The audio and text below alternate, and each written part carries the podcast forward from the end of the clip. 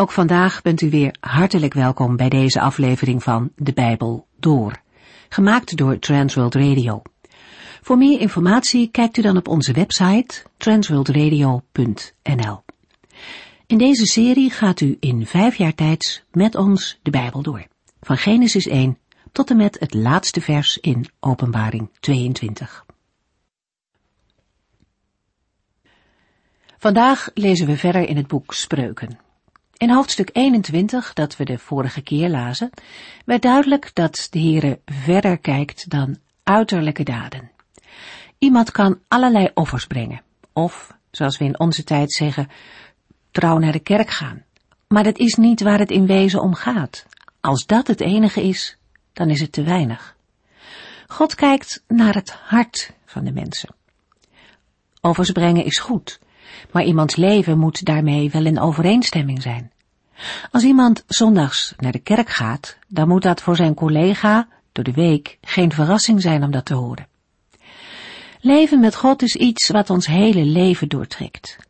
Offers of andere godsdienstige gebruiken hebben alleen betekenis als ze gepaard gaan met gehoorzaamheid op alle terreinen van het leven.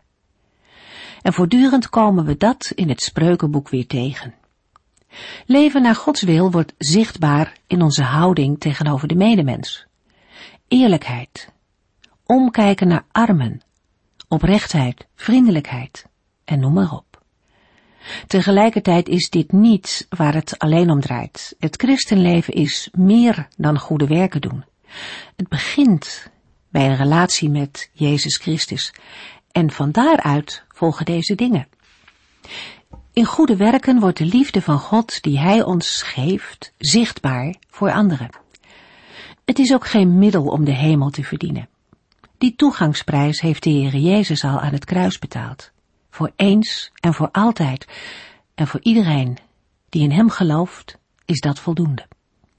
En uit dankbaarheid volgen al die goede werken. En ook daarin staan we er niet alleen voor. God heeft zijn heilige geest gegeven om dat in ons leven uit te werken. Zoals het slotvers van hoofdstuk 21, waar we het vandaag nog over zullen hebben. Dat geeft het eigenlijk al aan. Mensen maken de paarden klaar voor de strijd, maar de overwinning is van de Heere.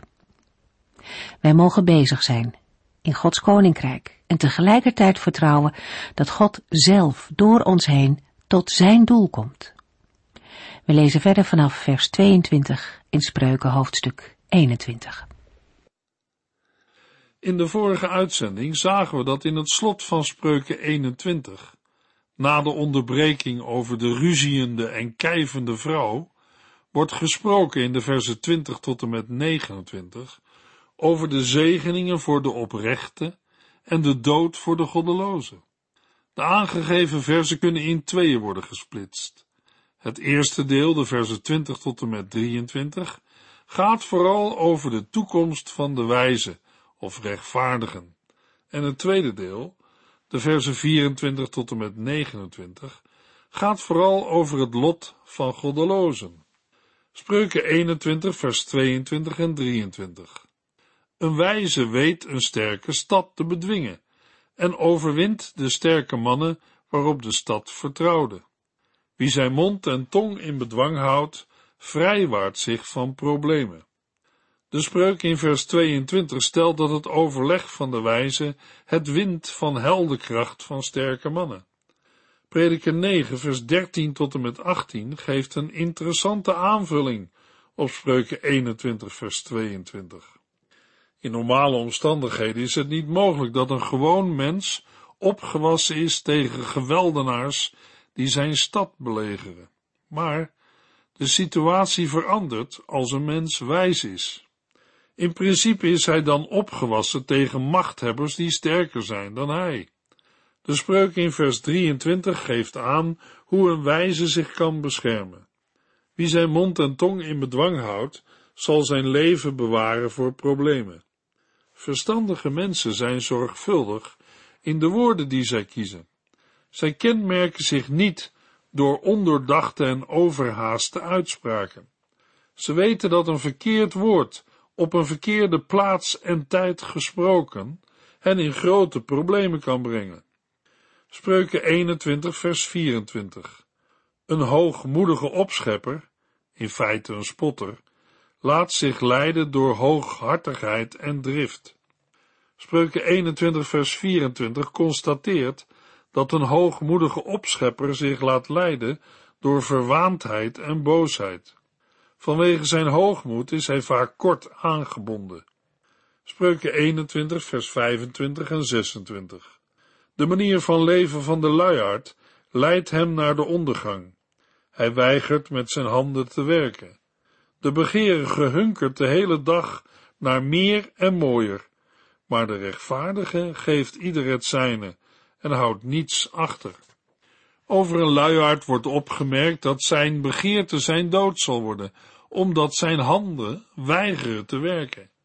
Omdat hij niet bereid is om te werken, zal hij sterven. Het gedrag van de luiaard wordt verder beschreven in vers 26. Hebzucht en winstbejacht zijn kenmerken van een goddeloze. Het delen met anderen is een kenmerk van een rechtvaardige. Paulus zegt in Handelingen 20 vers 35 tegen de leiders van de christengemeente uit Efeze, denk maar eens aan de woorden van de Heer Jezus. Hij zei dat geven beter is dan ontvangen. De luiaard kenmerkt zich door onbegrensd ik-gericht verlangen maar de rechtvaardige is gericht op anderen. Spreuken 21 vers 27 Het offeren van een goddeloze is op zichzelf al een gruwel. Laat staan als hij een offer brengt, met in zijn achterhoofd een schandelijk plan. Het is mogelijk dat boosdoeners of goddelozen offers brengen, maar omdat ze op zichzelf gericht zijn en niet op de Heere, is hun offer al een gruwel. Als iemand met verkeerde bedoelingen dingen aan de Heere geeft, is dat onaanvaardbaar. De gezindheid is beslissend bij een offer. Een voorbeeld van het verrichten van een goede daad met verkeerde bedoeling staat in de bergreden, waar Christus spreekt over het verwerven van menselijke waardering. Matthäus 6, vers 2 tot en met 4. Wanneer u een arme iets geeft, bazuin het dan niet rond dat doen schijnheilige mensen. Het gaat hen erom iedereen in de synagoge en op straat te laten zien hoe goed zij zijn. Zij willen door de mensen geprezen worden. Daarmee hebben zij hun beloning al. Als u goed voor iemand bent, houd het dan geheim. Laat uw linkerhand niet weten wat uw rechterhand doet. Uw vader ziet wat er in het verborgene gebeurt, en hij zal u ervoor belonen. Spreuken 21, vers 28 en 29. Een valse getuige loopt de dood in armen, maar een man die eerlijk vertelt wat hij weet, is overwinnaar. Een goddeloze doet zijn eigen zin, maar een oprecht mens leeft bewust met God. Een leugenachtige getuige zal ten onder gaan, maar een man die luistert zal spreken. We hebben hier mogelijk te maken met een mens die dingen ziet en hoort en bereid is te leren. Als iemand zich ook in rechtszaken de achtergrond van deze spreuk zo opstelt, zal hij succesvol zijn. Door goed te observeren, heeft iemand een zuivere kijk op de zaken en wordt er naar hem geluisterd. Op de achtergrond van vers 28 staat dat de Heere de leugenaar of valse getuige bestraft en de verstandige zegent. Een goddeloze die met ongevoeligheid zijn weggaat en met niemand anders dan zichzelf rekening houdt, heeft geen werkelijk begrip voor de consequenties van zijn daden. Zijn weg loopt uiteindelijk dood. De oprechte is zich voortdurend bewust van het feit dat hij de weg moet volgen die leidt tot zegen en leven. Een dergelijke houding vereist invoelingsvermogen en vraagt doordachte keuzes. Oprechtheid geeft ware standvastigheid. Het uiterlijke leven is in volkomen overeenstemming met de innerlijke gesteldheid. Een goddeloze doet zijn eigen zin, maar een oprecht mens leeft bewust met God. Spreuken 21, vers 30 en 31. Geen menselijke wijsheid, verstand of overleg is te vergelijken met de Heere. Je kunt wel paarden optuigen voor de strijd, maar de Heere beslist wie overwint. In vers 29 kwam indirect naar voren dat de goddeloze de Heere en zijn wijsheid veracht. Maar in de afsluitende twee spreuken wordt nadrukkelijk gesteld dat geen menselijke macht bestand is tegen de Heere. De eerste spreuk vermeldt dat de menselijke wijsheid, verstand en raad niet te vergelijken is met de wijsheid, het verstand en de raad van de Heere. Op grond van vers 29 zou de misvatting kunnen ontstaan dat een onverstandig of goddeloos mens tegen de Heere in kan gaan. Maar zelfs al het inzicht van een wijs mens verbleekt in het licht van Gods wijsheid. Zo worden we geconfronteerd met de grenzen van onze menselijke wijsheid. In de laatste spreuk komt naar voren dat goede resultaten, ondanks menselijke inspanning, afkomstig zijn van de Heere. Een paard wordt opgetuigd voor de strijd, maar de overwinning is van de Heere. Vers 31 sluit aan bij Psalm 33, vers 16 en 17, waar de betrekkelijkheid van strijdwagens wordt geïllustreerd. Deze woorden waren in die tijd sensationeel, omdat strijdwagens toen de meest gevreesde wapens waren, te vergelijken met tanks in onze tijd. Iedere Israëliet was zich bewust van het belang van strijdwagens in een oorlog. Maar deze teksten maken duidelijk dat de kracht van de Heere meer is dan de sterkste wapens. Een gelovige kan vandaag in de kracht van de Heilige Geest met David getuigen. Al komt een heel leger op mij af, ik word niet bang.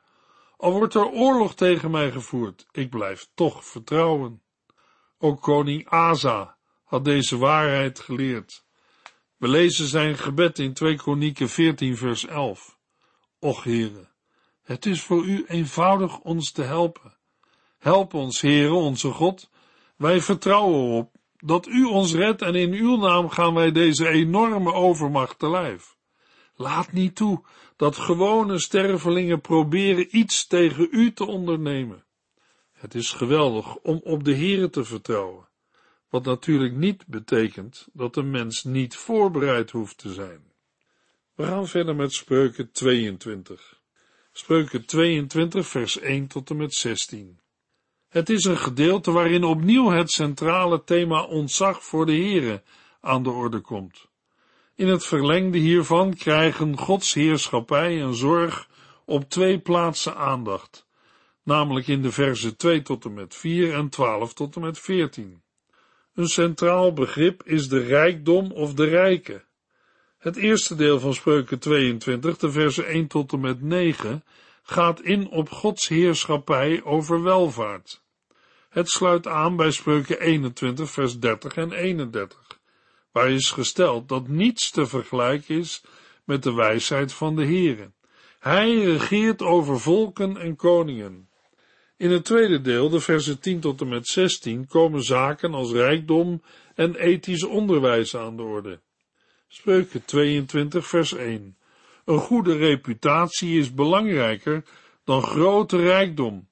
Goed bekend staan is belangrijker dan zilver en goud. De versen 1 tot en met 9 beginnen met de stelling dat een goede naam te verkiezen is boven veel rijkdom en dat aanzien belangrijker is dan zilver en goud. Het bezit van aanzien binnen een gemeenschap berust vaak op verstandig gedrag en liefde. Een goede reputatie is het gevolg van innerlijke wijsheid. Rijkdom als zodanig wordt in Spreuken 22 niet afgekeurd, omdat rijkdom vaak een teken van Gods zegen is.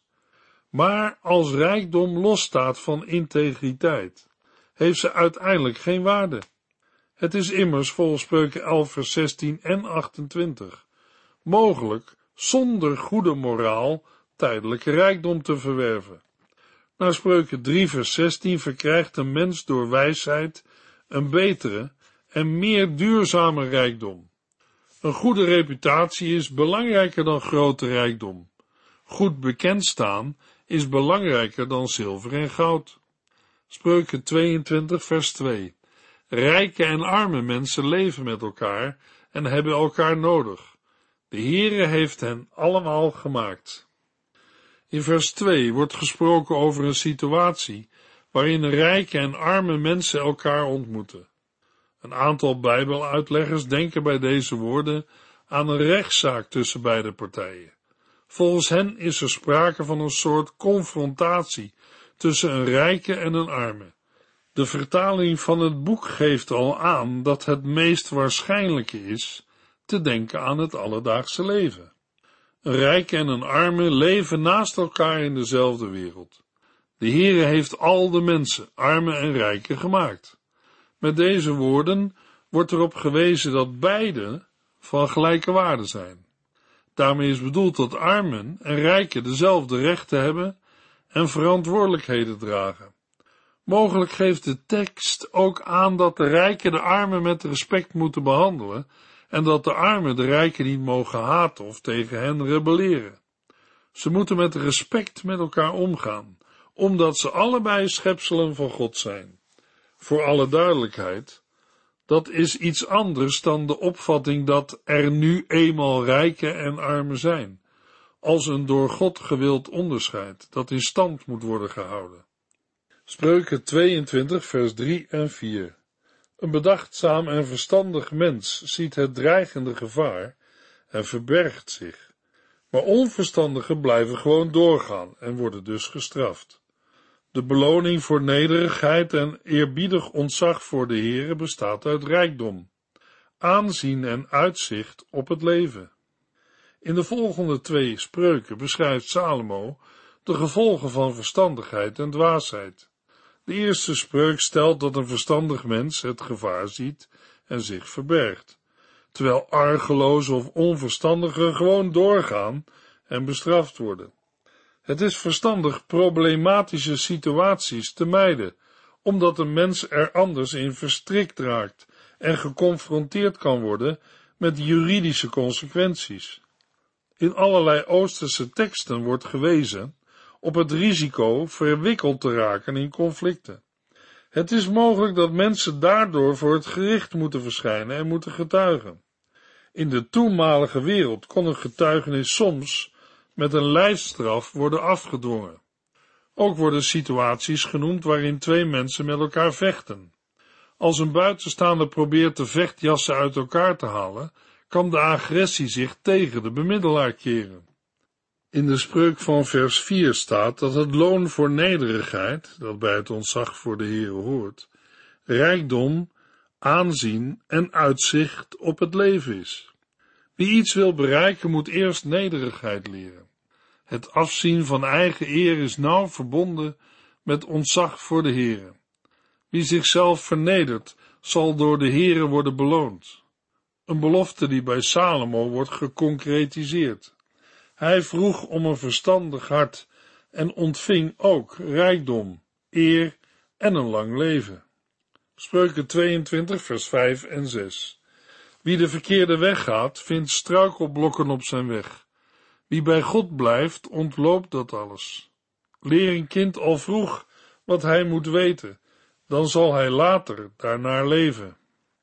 De volgende twee spreuken gaan in op de juiste opvoeding van kinderen.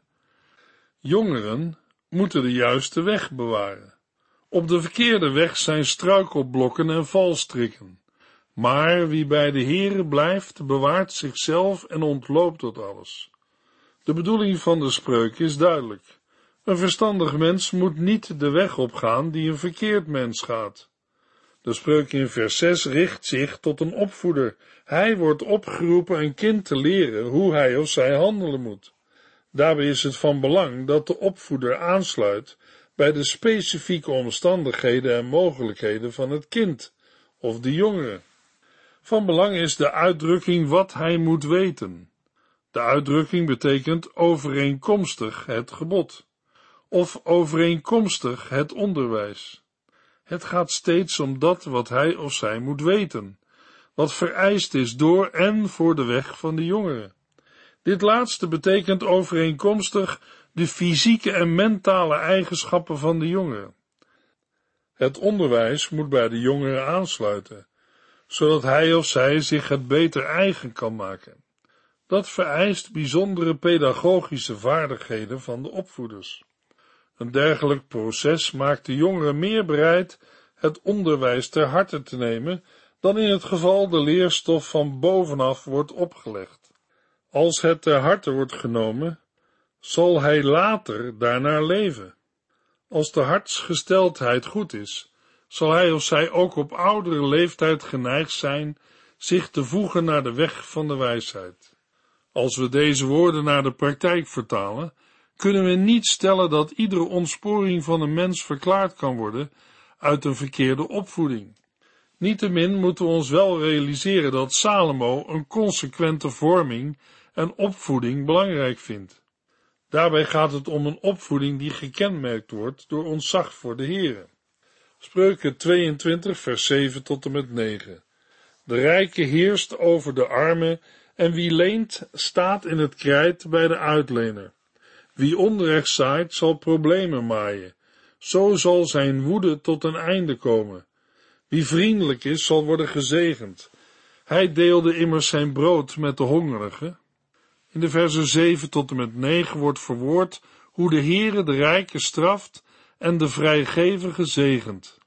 De praktijk leert dat de rijke kan heersen over de armen en dat wie leent de slaaf kan worden van hem die uitleent. De spreuk vormt een aansporing om geen schulden te maken. De Torah of Joodse wet heeft strikte regels op het terrein van het lenen van geld en slavernij. Als iemand zulke schulden heeft dat hij zichzelf als slaaf moet verkopen, wordt hij na zes jaar vrijgelaten. Ook is het verboden rente te eisen van broeders of een volksgenoot aan wie is uitgeleend. Ook de oud-testamentische profeten verzetten zich tegen de praktijk om rente te vragen. Aan de andere kant benoemt de spreuk ook de weerbarstige praktijk waarin vormen van onderdrukking kunnen plaatsvinden. In vers 8 wordt gezegd dat wie onrecht zaait problemen zal oogsten. Wie slechte dingen doet, ontvangt slechte dingen terug. De Heere zal ervoor zorgen dat de invloed en macht van de onderdrukker beperkt wordt en uiteindelijk verdwijnt. Ten slotte wordt in vers 9 opgemerkt dat degene die vrijgevig en vriendelijk is, gezegend zal worden, omdat hij van zijn brood aan de armen en hongerigen uitdeelt. Hier staat de onderdrukker of onrechtvaardige tegenover een vrijgevig en gul mens, die oog heeft voor armen en hongerigen. Hij maakt geen misbruik van de situatie door woekerrente te rekenen. Hij geeft gewoon. Zo iemand wordt door de Heere rijk gezegend. Spreuken 22 vers 10. Verdrijf de spotter, dan komt er een einde aan de ruzie. Het beschamende meningsverschil zal ophouden. Spreuken 22 vers 10 tot en met 16 begint met de vrienden van de koning, in vers 10 en 11. In de versen 12 tot en met 14 gaat het verder met waarschuwende woorden over de bedrieglijke taal van de luiaard en de onbekende vrouw. Met de versen 15 en 16 wordt het gedeelte afgesloten met spreuken over rijkdom en morele instructie. Vers 10 spoort ertoe aan de spotter te verdrijven, zodat de ruzie verdwijnt en beschamende meningsverschillen ophouden. Als de spotter bereid zou zijn te leren, kan een mens hem verdragen in afwachting van zijn verandering. Maar een spotter is daartoe niet bereid. Daarom moet hij uit de gemeenschap worden verjaagd. Hij geldt als oorzaak van conflicten. En als hij wordt weggejaagd, komt er vrede. Een dergelijk optreden is nodig voor de veiligheid van de gemeenschap. Met een spotter in het midden wordt de samenleving ondergraven. Spreuken 22 vers 11 De koning is een vriend van de man met een oprecht hart die oprechte gedachten tot uitdrukking brengt. In vers 11 handelt de volgende spreuk over het verwerven van vriendschap met de koning. Dat is mogelijk door oprecht van hart te zijn en oprechte gedachten tot uitdrukking te brengen. Vriendelijke taal kan soms alleen een façade zijn. Spreuken 22 vers 12 De ogen van de Heere waken over de ware wijsheid maar hij keert zich krachtig tegen de mensen die hem ontrouw zijn. God heerst over deze wereld en beschermt haar tegen de macht van het kwade. Spreuken 22 vers 13 en 14 De luiaard verzint allerlei uitvluchten. Ik kan niet gaan werken, zegt hij, er loopt een leeuw buiten. Dat is mij te gevaarlijk. Vleiende woorden van een onbekende vrouw zijn als een diepe gracht. Wie zich de woede van de Heer op de hals haalt, valt daarin. De volgende twee spreuken beschrijven de woorden van twee soorten verraderlijke personen. De tekst is sarcastisch en bevestigt het stereotype beeld van een dwaas of luiaard, als een apathisch persoon die actie vermijdt en daarvoor allerlei uitvluchten verzint. Vers 14 gaat in op uitspraken van vreemde of lichtzinnige vrouwen. Hun mond is als een diepe put. Wie zich de woede van de Heere op de hals haalt, valt daarin. Tegelijkertijd is het een oproep te leven in overeenstemming met de wil van de Heere. Wie leeft naar zijn wil, zal niet zo snel vallen in de strikken van een overspelige vrouw. Spreuken 22 vers 15 en 16. Onbezonnenheid is kenmerkend voor de jeugd. Alleen straf kan iemand daarvan bevrijden. Wie zichzelf verrijkt door de armen uit te buiten en gelijk een rijke geschenken geeft, zal zelf met de armoede kennis maken. In vers 15 worden ouders opgeroepen aandacht te besteden aan correctief onderwijs. Vers 16 spreekt over de juiste opstelling in zaken van armoede en rijkdom. Bij Spreuken 22 vers 17 begint een nieuw deel van het Bijbelboek Spreuken. Een onderscheidend kenmerk is de verandering in stijl. Terwijl we tot nog toe steeds twee regelige spreuken tegenkwamen, komen er nu veel spreuken met vier of meer regels. Net als in de proloog, in spreuken 1 tot en met 9, spreekt een wijsheidsleraar zijn leerling aan met mijn zoon. Daarmee krijgt de collectie spreuken in spreuken 22 vers 17 tot en met 24 vers 22 een direct en waarschuwend karakter. Wegens overeenkomst met een Egyptische spreukencollectie is het aannemelijk dat geput is uit eenzelfde collectie Oosterse spreuken. Daarbij is het mogelijk dat spreuken 22 vers 17 tot en met 24 vers 22 te verdelen in 30 eenheden, ook wel de 30 spreuken van de wijze genoemd. In de volgende uitzending lezen we het slot van spreuken 22 en spreuken 23. U heeft geluisterd naar De Bijbel Door, in het Nederlands vertaald en bewerkt door Transworld Radio. Een programma waarin we in vijf jaar tijd de hele Bijbel doorgaan. Als u wilt reageren op deze uitzending of u heeft vragen, dan kunt u contact met ons opnemen. Tijdens kantooruren kunt u bellen op 0342 478432 0342 478432. Ook kunt u een e-mail sturen naar de Bijbel door at transworldradio.nl en natuurlijk kunt u ook via de post ons bereiken. TWR, postbus 371, postcode 3770, AJ in Barneveld. Dit programma werd gepresenteerd door Cor Weda en Ike André.